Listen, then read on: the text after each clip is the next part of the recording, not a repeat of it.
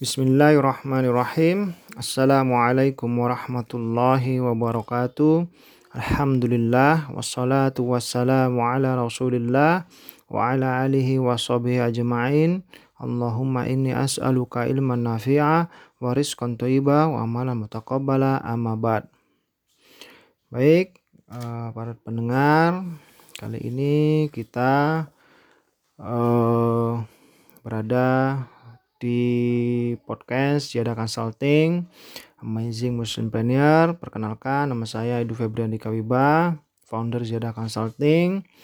Uh, di podcast ini, uh, di podcast kami ini insya Allah akan berisi uh, bagaimana seorang pengusaha muslim bisa mempunyai usaha yang tumbuh, kokoh, mempunyai tim yang handal, serta selalu menerapkan syariat Allah Subhanahu wa taala Eh, sehingga mendapatkan keberkahan dan memberikan kebermanfaatan bagi orang lain dan umat eh, lebih baik, lebih besar dan lebih luas.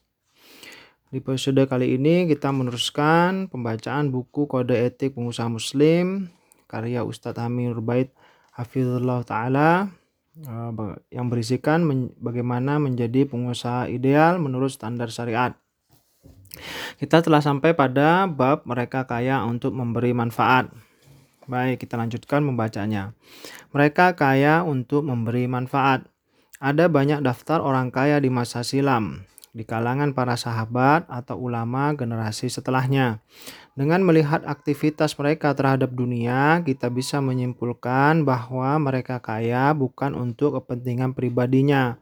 Mereka kaya untuk memberikan manfaat bagi umat kita akan sebutkan beberapa contoh di antaranya. Di buku ini Ustadz Amin Nurbayit menuliskan tiga orang contoh ya dari sahabat dan para ulama.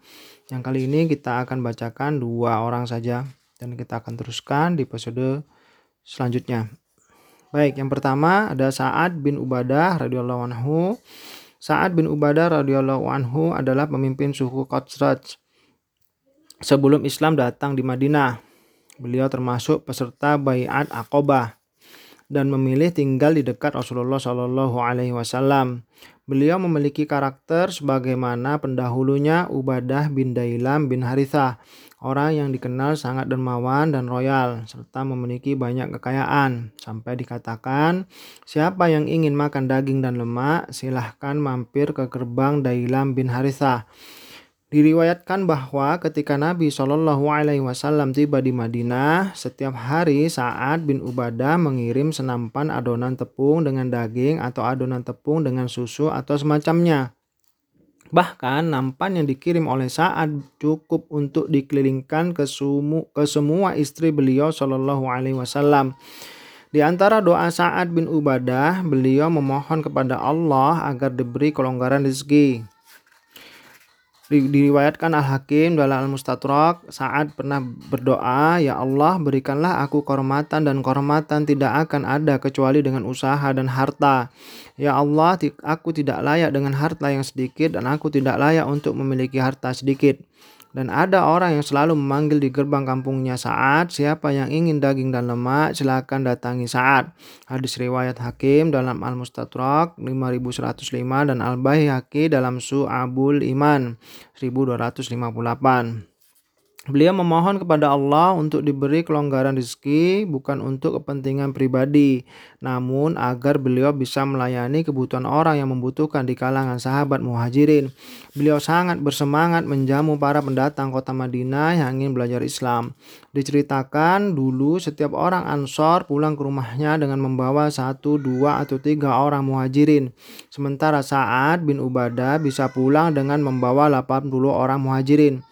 Demikianlah kedermawanan Sa'ad bin Ubadah radhiyallahu anhu sehingga beliau memohon kepada Allah untuk diberi kekayaan bukan untuk kepentingan pribadi, namun agar beliau bisa melayani umat. Yang kedua adalah Imam Al-Laits bin Sa'ad. Al-Laits bin Sa'ad bin Abdurrahman kun, kun, kunyahnya adalah Abdul Harith. Kunyahnya adalah Abdul Harith, seorang ulama besar di Mesir yang ahli bidang di bidang fikih dan hadis. Lahir tahun 94 Hijriah, beliau ulama thiqah terpercaya sejam, sejaman dengan Imam Malik.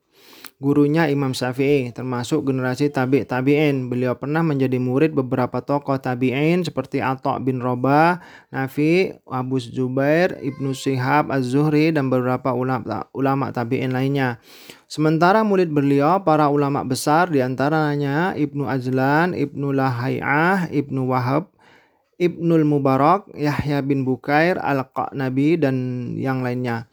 Mereka deretan ulama besar di zamannya. Kita simak pujian ulama untuk Imam Al-Alaid. Al-Ala bin Kathir mengatakan Al-Laid bin Sa'ad pemimpin kami, imam kami, ulama kami. Imam Syafi'i pernah memuji beliau. Al-Laid bin Sa'ad lebih fakih daripada Malik. Hanya saja murid-muridnya tidak mengangkat mazhab beliau. Imam Ahmad juga memberikan pujian untuk beliau. Laid ilmunya banyak, hadisnya sahih sehingga beliau tergolong ulama generasi tabi tabiin Al-Zahabi menyebut beliau dalam Syiar A'lam Nubala, seorang imam al-hafiz Syekhul Islam ulama negeri Mesir. Kekayaan dan kedermawanan Imam Al-Alaid beliau dikenal sangat dermawan. As-Sofadi menceritakan, Al-Laid termasuk ulama yang sangat dermawan. Diceritakan bahwa penghasilan Al-Laid setiap tahun mencapai 5000 dinar dan beliau suka membagi-bagikannya ketika sholat dan kegiatan uh, dan beliau suka membagi-bagikannya ketika sholat dan kegiatan lainnya.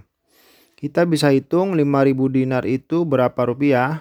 5000 dikali 4,25 gram emas ketemu 21.250 gram emas atau 21,250 kg emas. Subhanallah. Sekarang berapa kalau dirupiahkan? Dengan asumsi 1 gram emas 500 ribu berarti 21 250 dikali 500 ribu ketemunya 10 miliar 625 juta. Nah, kalau saat ini mungkin sekitar 1 juta per gram bisa menjadi eh, 21 miliar ya, 250 juta. Dalam riwayat lain, penghasilan al terkadang mencapai 12.000 dinar setahun. Kutaiba Ad-Dainuri menceritakan penghasilan al mencapai 12.000 dinar dalam setahun dan beliau mengatakan, aku tidak pernah mendapatkan kewajiban zakat 12.000 dinar kalau dihitung sambil merem nggak bisa.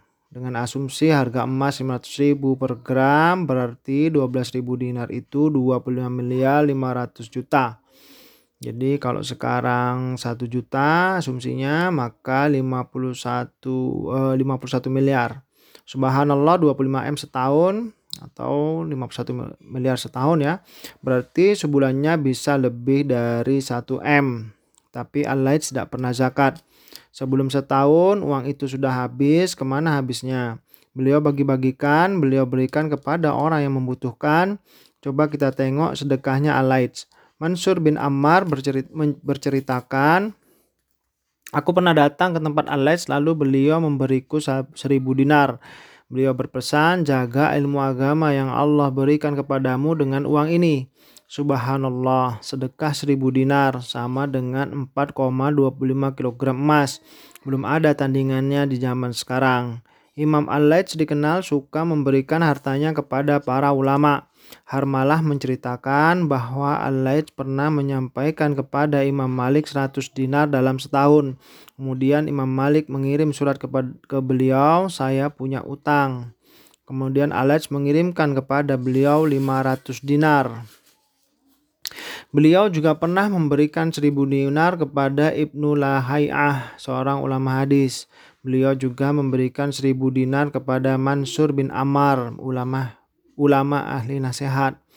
Allah berikan kelebihan kepada Imam al bin Sa'ad, kaya ilmu dan kaya materi dunia. Dan dunia di tangannya hanya digunakan untuk ketaatan kepada Allah. Semoga Allah merahmati beliau.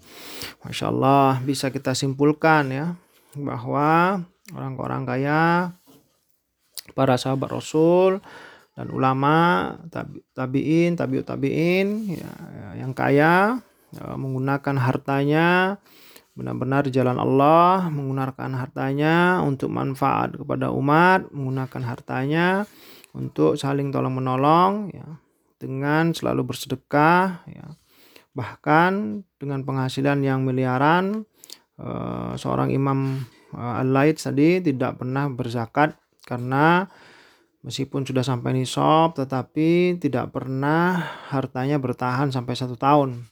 Dihabiskan semuanya untuk e, bersedekah untuk digunakan di jalan Allah Masya Allah maka mereka kaya memang benar-benar untuk memberikan manfaat sebagaimana bisa dilihat dari aktivitas mereka di dunia ya, seperti sahabat Rasul Sa'ad bin Abadah ini juga menggunakan hartanya untuk menolong para kaum muhajirin uh, yang ada uh, di Madinah. Baik, kita cukupkan untuk kali ini uh, podcast kita. Uh, kita lanjut di episode selanjutnya dengan membacakan uh, seseorang yang juga kaya untuk memberi manfaat. Ya, satu orang yang karena ada tiga ya ini baru kita bacakan dua orang. Uh, di episode selanjutnya. Kita akhiri dengan uh, doa kafatul majelis. Subhanakallahumma bihamdika asyhadu an la ilaha anta astaghfiruka wa atubu Assalamualaikum warahmatullahi wabarakatuh.